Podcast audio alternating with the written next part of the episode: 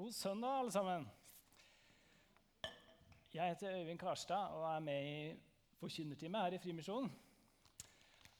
I dag er vi kommet til siste del av høstens store taleserie, som heter 'Jeg tror'. Og Vi har tatt utgangspunkt i den apostoliske trosbekjennelsen, som er en sånn oppsummering av sentrale sider ved kristen tro. Og Den handler om hva og ikke minst hvem vi som kristne har tillit til og som vi vil bekjenne vår troskap til. Og Det vi tror på i dag, eller det vi skal snakke om i dag, er legemets oppstandelse og det evige liv. Å ja, der hoppa den over en. Ja, litt spenning i hverdagen. Um, ok, Men først la oss ta en liten, uh, liten bønn. Så kjære far, jeg vil bare legge preken i dine hender og ber om at vi skal alle ha åpne ører for det du vil si til oss i dag. Amen. Så i dag skal vi snakke om kropp, eller legeme, som det heter på fint. Jeg tror på legemets oppstandelse, eller kroppens oppstandelse. Og når vi hører det ordet oppstandelse, så tenker nok mange av oss først og fremst på Jesus, som etter å ha vært død og begravet sto opp fra de døde tredje dag som det heter tidligere i trosbekjennelsen. Så når vi kommer til disse ordene 'legemets oppstandelse' helt mot slutten, kan det nærmest virke som en gjentagelse. Så Hellig allmenn kirke, syndenes forlatelse og ja da, jeg tror fortsatt på oppstandelsen. Har ikke glemt det. Men disse ordene handler altså ikke om Jesu oppstandelse, men om vår oppstandelse. Det handler om håpet og tilliten til at vi også en dag i framtida skal stå opp fra de døde. Samtidig skal vi se at det også er en tett sammenheng mellom de to oppstandelsene, mellom fortid og framtid. For å prøve å forstå dette med kroppens oppstandelse litt bedre tenkte jeg at vi i dag skal bruke litt tid sammen i Bibelen. Vi skal starte med en av de eldste og viktigste kristne tekstene vi har om oppstandelsen, 1. Korinterbrev, kapittel 15. Og Paulus, som har skrevet brevet, hadde selv vært med og starta menigheten i Korint, som var en av de første europeiske menighetene. Og etter at han hadde reist videre, hadde det begynt å spre seg bekymringer og spørsmål i dette nye kristne fellesskapet rundt hva som ville skje med de, de som døde før Jesus kom igjen. Og Paulus hadde undervist om en framtidig oppstandelse. Men det var nok vanskelig å svelge for mange. Og nå hadde noen av dem begynt å kritisere læreren hans og lansere andre teorier. Så Paulus skriver til dem for å hjelpe dem å tenke rett om det kristne framtidshåpet. Men Paulus begynner ikke der, for interessant nok så starter han kapittelet med Jesus. Med å slå klart og tydelig fast at Jesus var død, men har stått opp. Og Paulus er tydelig på at dette ikke bare er en inspirerende fortelling eller legende om det var en gang langt, langt borte. Tvert imot gjengir han en nøye formulert rapport fra den aller første tida etter hendelsene. Og Paulus skriver ikke lenge etter heller. Og så lister han opp øyevitner som møtte Jesus etter han sto opp, inkludert seg selv, Kefas, Jakob, de tolv og 500 søsken på én gang. Av dem lever de fleste ennå. Med andre ord, dere kan spørre dem selv om det stemmer. Og Så langt preker Paulus for menigheten, for korinterne har allerede latt seg overbevise om at Jesus har stått opp. Som Paulus bare minner dem på i vers 11. Dette har de tatt imot i tro. Og som vi kan høre, var det ikke en blind tro. Men i neste vers nærmer Paulus seg poenget. Når det blir forkynt at Kristus er stått opp fra de døde, hvordan kan noen blant dere da si at det ikke finnes noen oppstandelse fra de døde? Altså en framtidig oppstandelse for oss. Også fra vers 19. Hvis vårt håp til Kristus gjelder bare for dette livet, er vi de ynkeligste av alle mennesker. Men nå er jo Kristus stått opp fra de døde som førstegrøden av dem som er sovnet inn. Fordi døden kom ved et menneske, er også de dødes oppstandelse kommet fra, ved et menneske. For slik alle dør på grunn av Adam, skal alle få liv ved Kristus. Men hver i sin tur. Kristus er førstegrøden. Deretter, ved hans gjenkomst, følger de som hører Kristus til. Så alle dør pga. Adam. Det beskriver problemet. For vi mennesker har helt fra starten av gjort opprør mot Gud, slik at onde krefter har sluppet løs i Guds gode skapelse. Vi har vendt ryggen til Gud, som er selveste livskilden. Og døden, selv om den framstår som noe naturlig slik verden har blitt, er et sterkt signal om at ikke alt er som det skal være. At Guds vilje ikke skjer helt og fullt på jorda som i himmelen. Døden minner oss på at vi i oss selv er i en håpløs situasjon. Men med Jesus får vi nytt håp. Og Her kommer vi til sammenhengen jeg nevnte mellom de to oppstandelsene. For ifølge Paulus er Jesu oppstandelse førstegrøden. Det er et ord vi kanskje ikke bruker så ofte, selv de av oss som er vokst opp på landet. Men i det gamle Israel hadde ordet en helt spesiell betydning. For da den første årlige innhøstningen var i gang, ble det holdt en ukes feiring. Ikke bare fordi dette gjerne var kornhøsten, som var veldig viktig, men fordi førstegrøden ble sett på som en forsmak på og garanti for at også resten av avlingen snart kunne høstes. Så når Paulus bruker dette bildet, er det for å få fram at Jesu oppstandelse, det at Jesu kropp ikke ble liggende i graven, men at graven er tom, som vi sang om, er en garanti for det som skal komme. Og Det er beviset på at Gud nå selv har tatt, på, tatt seg av problemet. Ikke bare makta synden hadde over oss, men også døden, som Paulus kaller den siste fienden. Og Dermed kan vi stole på at vi som hører Kristus til, vi som har satt vår tillit til ham, skal stå opp på samme måte som ham. Og Det skal skje ved hans gjenkomst, når Jesus kommer igjen for å dømme levende og døde. Jeg tror Et problem for oss når vi skal prøve å forstå det Bibelen formidler om dette, er at vi i vår kultur ofte har en sterk forestilling om at vårt egentlige jeg er den ikke-fysiske delen av oss, som vi gjerne kaller sjelen. Og Så ser vi for oss at etter døden flyr sjelen av gårde til sitt egentlige hjem langt borte i en fjern himmel. Det er jo en tankegang vi møter på ofte i bøker og på TV, og har kanskje blitt en naturlig del av språket vårt, sånn at vi har lett for å tenke at det tilsvarer det kristne budskapet. Men en slik tankegang er vanskelig å finne i Bibelen og blant de første kristne.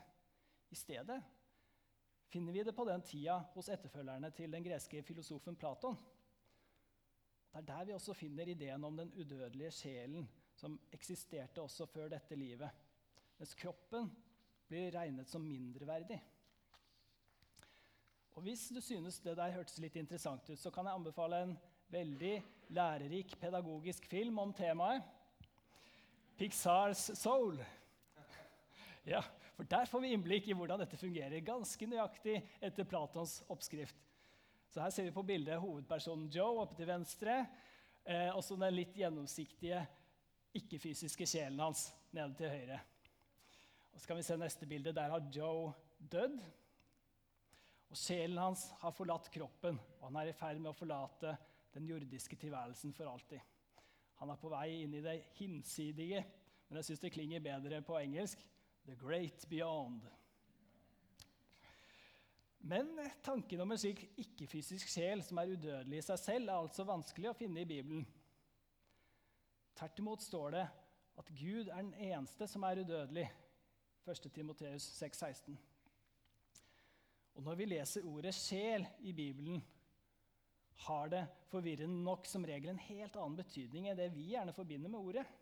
For i Bibelen betyr det gjerne hele mennesket eller personen. Kan si en levende skapning eller noen ganger også en levende kropp. For i bibelsk tankegang er kroppen vesentlig for hva det vil si å være menneske.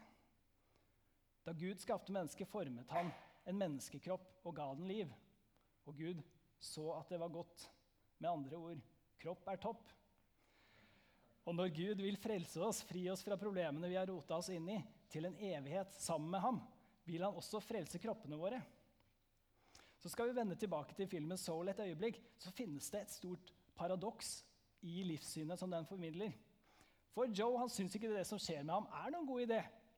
Han vil tilbake til kroppen for å få en ny mulighet til å leve livet som den han var ment å være. Som i dette tilfellet er å være jazzpianist. Og jeg synes Det er en litt rar film og har ikke et spesielt kristent budskap. Men akkurat her faktisk begynner vi å nærme oss bitte litt det kristne framtidshåpet.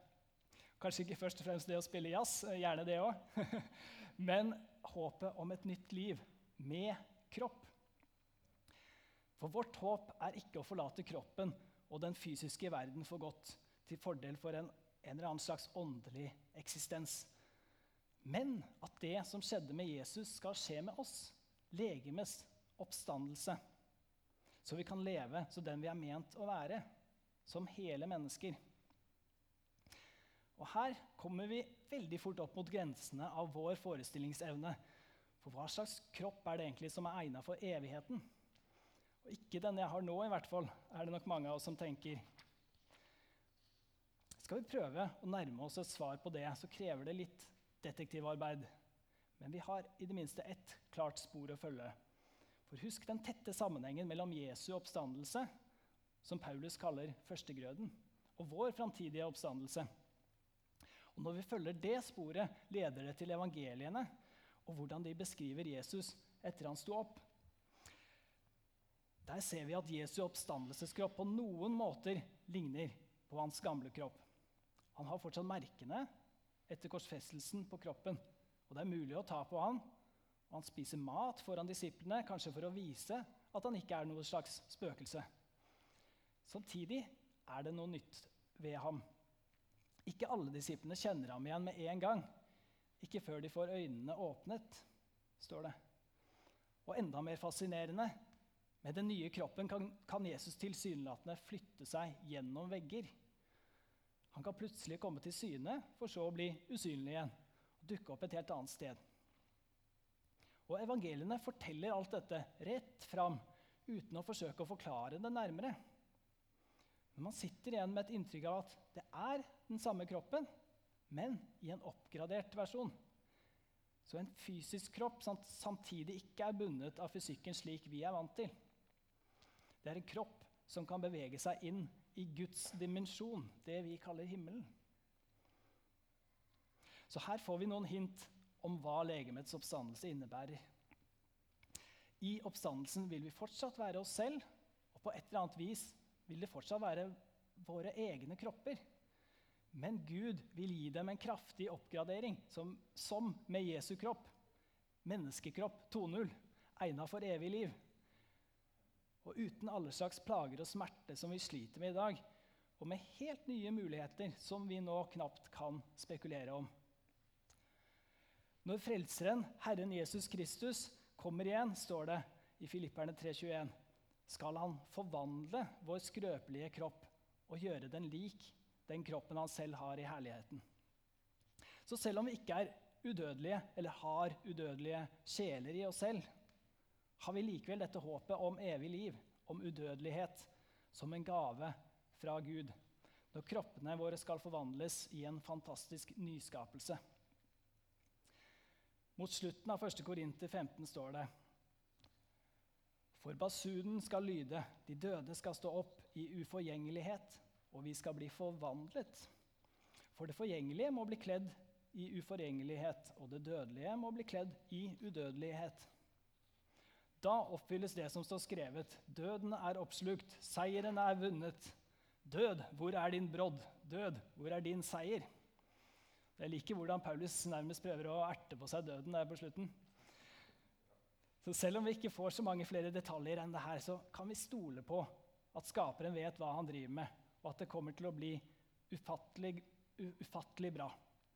Og Det er den tilliten vi gir uttrykk for når vi sier 'jeg tror' på legemets oppstandelse.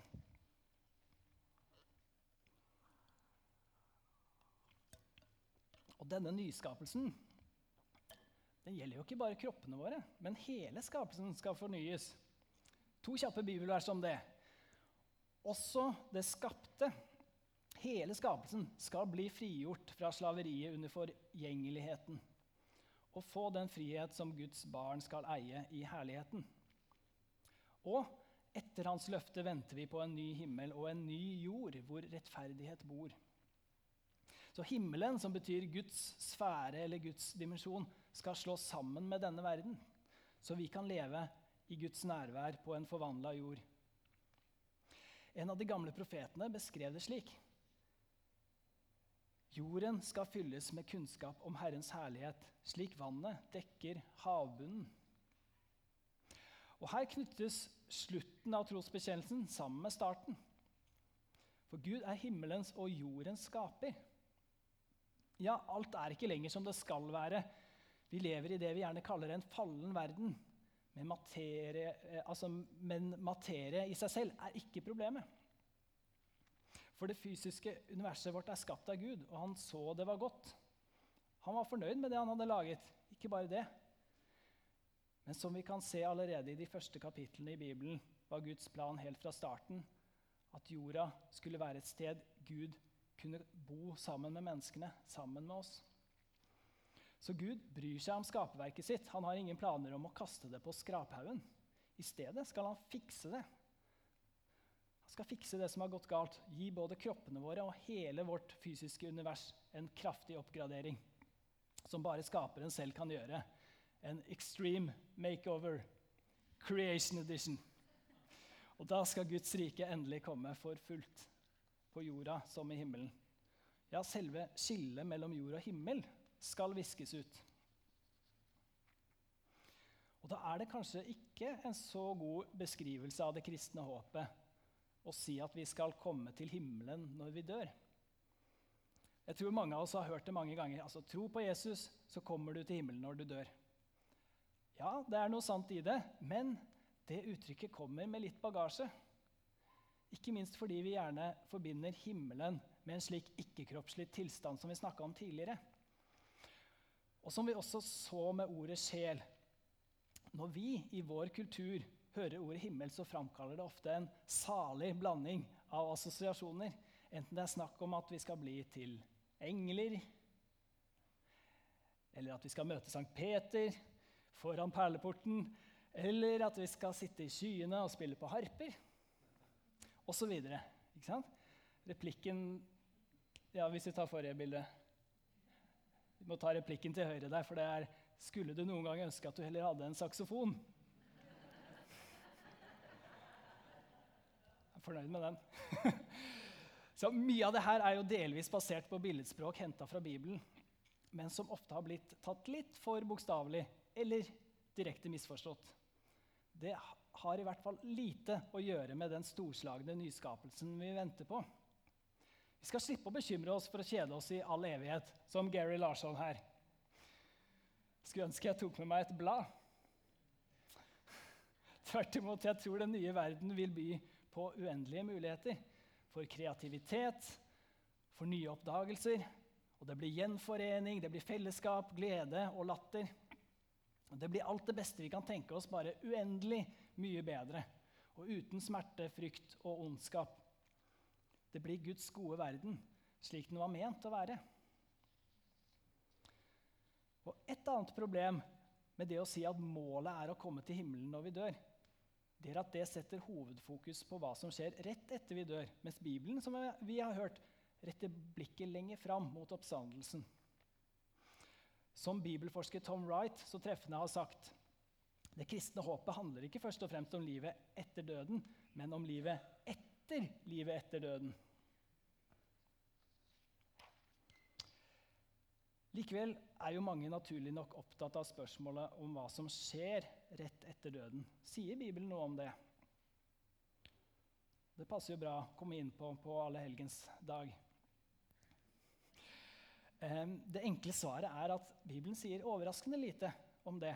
Vi får ikke så mange hint om hva denne mellomfasen mellom død og oppstandelse består i. En vanlig metafor er søvn, som vi så hos Paulus, de som er sovnet inn uten at man kanskje kan tolke så mye konkret ut av det. Og Så finnes det en liten håndfull bibelsteder som tyder på at vi vil ha en form for bevissthet etter vi dør, uten at vi får noen detaljer. Det som går igjen i disse tekstene, er at fokuset ikke ligger på hvor vi skal, men med hvem vi skal være når vi dør. Filipperne 1,21.: Å leve er for meg Kristus, og å dø er en vinning, sier Paulus. Og hvorfor? Jo, fordi han lengter etter å bryte opp og være sammen med Kristus For det er så mye, mye bedre. Og Han sier også noe lignende i 2. Korinterbrev 5, at helst vil vi flytte bort fra kroppen og være hos Herren. Hvordan nå det kan gå, gå til. Men uansett, det er altså ikke endestasjonen. I stedet kan vi nærmest se på det som et, et himmelsk venterom, der vi hviler hos Gud mens vi venter på oppstandelsen. John Polkinghorn var både vitenskapsmann og teolog, og han forklarte disse to fasene etter døden på det jeg vil kalle en herlig nerdete måte, med en computermetafor. Når vi dør, vil Gud lagre vår software, vår programvare, på sin hardware, der den lagres trygt fram til han skal gi oss en ny, oppgradert hardware som vår software kan lastes inn på igjen. Og det er mulig jeg mista noen der. ok, Jeg liker den metaforen, men, men, så er jeg kanskje litt nerdete av meg. Men hovedpoenget med bildet er uansett at Gud vil ta vare på oss når vi dør. Han vil sørge for at jeg fortsatt vil være meg i oppstandelsen, men med en fornyet kropp. Så vi som tilhører Jesus, trenger ikke å frykte døden. Som Paulus kan vi faktisk se fram til det, glede oss til å få være sammen med Kristus og til å hvile i fred hos Gud. Men først og fremst ser vi fram mot oppstandelsen, der vi for første gang vil oppleve helt og fullt å være den Gud har skapt oss til å være. Og om Bibelen ikke har så mye å si om hva som skjer rett etter døden, har den mye mer å si om oppstandelsen og den nye verden. Et vers som sier mye med få ord, er Romerne 8,18. Jeg mener at det vi må lide i den tiden som nå er, ikke kan regnes for noe mot den herligheten som en gang skal åpenbares og bli vår. Og Det er jo vanskelig å forestille seg hvordan noe kan være så bra at all lidelsen man kan gå gjennom i denne verden, blir totalt ubetydelig i forhold. Men det er vel nettopp poenget. Det blir mye, mye bedre enn vi kan forestille oss. Men kanskje vi voksne kan la oss inspirere litt av barna som ofte er mye bedre til å bruke forestillingsevnen sin. Den eldste dattera mi, Miriel, som hvis ikke alle har fått med seg det nå, hun fyller ni år i dag.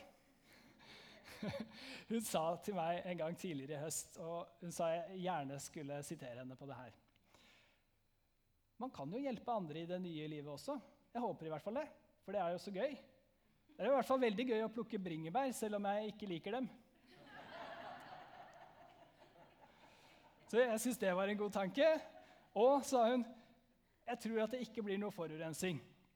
Og så vet jeg ikke om det blir sånn, men jeg håper jeg kan spise så mye godteri jeg vil, og ikke måtte pusse tennene. Ja, hvorfor ikke?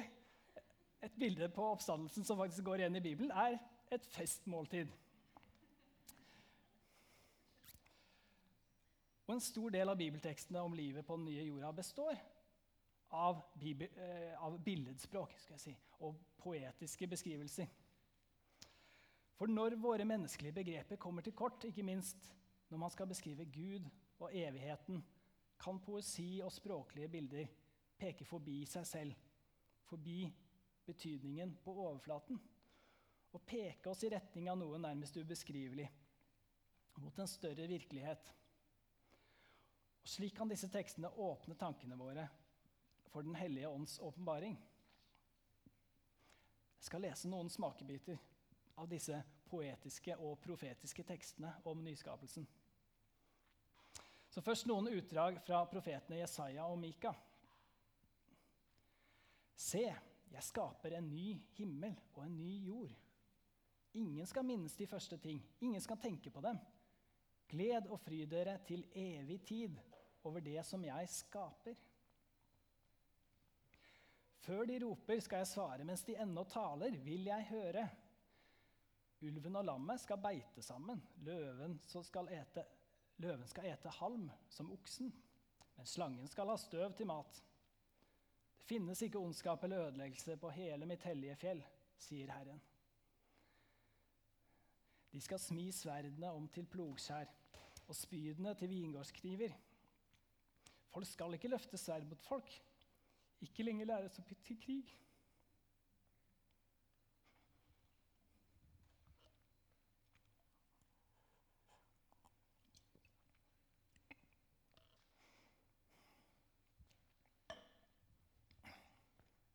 Unnskyld.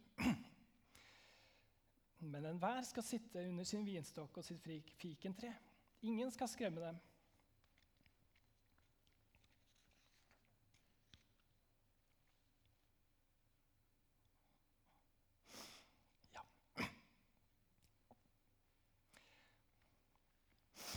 Se, deres Gud, selv kommer han og frelser dere. Da skal blindes øyne åpnes og døves ører lukkes opp. Da skal den lamme springe som en hjort, og den stummes tunge skal juble. For vann bryter fram i ørkenen og bekker i ødemarken. På dette fjellet skal Herren over hærskarene gjøre i stand for alle folk et festmåltid med fete retter. Et festmåltid med gammel vin, med fete, margfulle retter og gammel, klaret vin. Han skal sluke døden for evig. Herren Gud skal tørke tårene fra hvert ansikt. Og godt er det. Den dagen skal de si, se, dette er vår Gud. Vi håpet på ham, og han frelste oss. Og fra Johannes' åpenbaring, fra de aller siste kapitlene i Bibelen, som beskriver øyeblikket når Guds himmel og jorda skal komme sammen til en ny enhet. Og jeg så den hellige byen, det nye Jerusalem, stige ned fra himmelen. Fra Gud gjort i stand og pyntet som en brud for sin brudgom. Og jeg hørte fra tronen en høy røst som sa, Se, Guds bolig er hos menneskene. Han skal bo hos dem, og de skal være hans folk. Og Gud selv skal være hos dem. Han skal være deres Gud. Han skal tørke bort hver tåre fra deres øyne, og døden skal ikke være mer. Heller ikke sorg eller skrik eller smerte. For det som en gang var, er borte. Han som sitter på tronen, sa, Se, jeg gjør alle ting nye. Det er flott. Og legg merke til at midt i alle beskrivelsene av nyskapelsen som et fantastisk sted, en tvers gjennom god verden, er det likevel en annen ting som vektlegges enda mer. Og det er Guds nærvære. At Gud skal bo hos menneskene. Og Her ser vi endelig oppfyllelsen av det som har vært en rød tråd gjennom hele Bibelens fortelling. Ikke at menneskene på en eller annen måte selv kan klare å finne veien til Gud, men at Gud lengter etter å komme og leve sammen med menneskene han har skapt. Gud selv skal være hos oss, og som en god far skal han tørke bort hver tåre på hver enkelt av oss. Jesus sa i Johannes 17 dette er det evige liv, at de kjenner deg, den eneste sanne Gud, og ham du har sendt, Jesus Kristus. Så på sett og vis for oss som tror på Jesus og står i en relasjon til ham, har det evige livet allerede begynt, selv om det er i det små i forhold til det som skal komme. Fram til Jesus kommer, fram til han kommer igjen, lever vi i en litt rar mellomperiode der synd og ondskap, sykdom og død fortsatt gjør sitt verste. Samtidig så vet vi at Jesus allerede har vunnet over døden og ondskapen på korset. Og selv om det endelige gjennombruddet først kommer med hans gjenkomst, så står det Jesus har utretta, som en magnet midt i historien og trekker på en måte nyskapelsen og Guds rike inn i vår tid.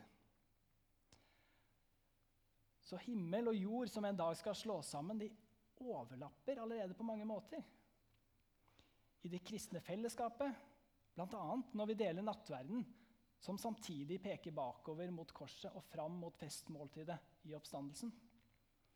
Og når vi på mange ulike måter får se Guds rike vokse fram til velsignelse for menneskene rundt oss, med oss som deltakere, til og med som Guds medarbeidere, men med Den hellige ånden som drivkraft. Vi kan oppleve her og nå at framtida kommer oss i møte med gudsnærvær og kraft som forvandler. Så til slutt skal vi igjen innom kapitlet vi starta med, 1. Korinterbrev 15.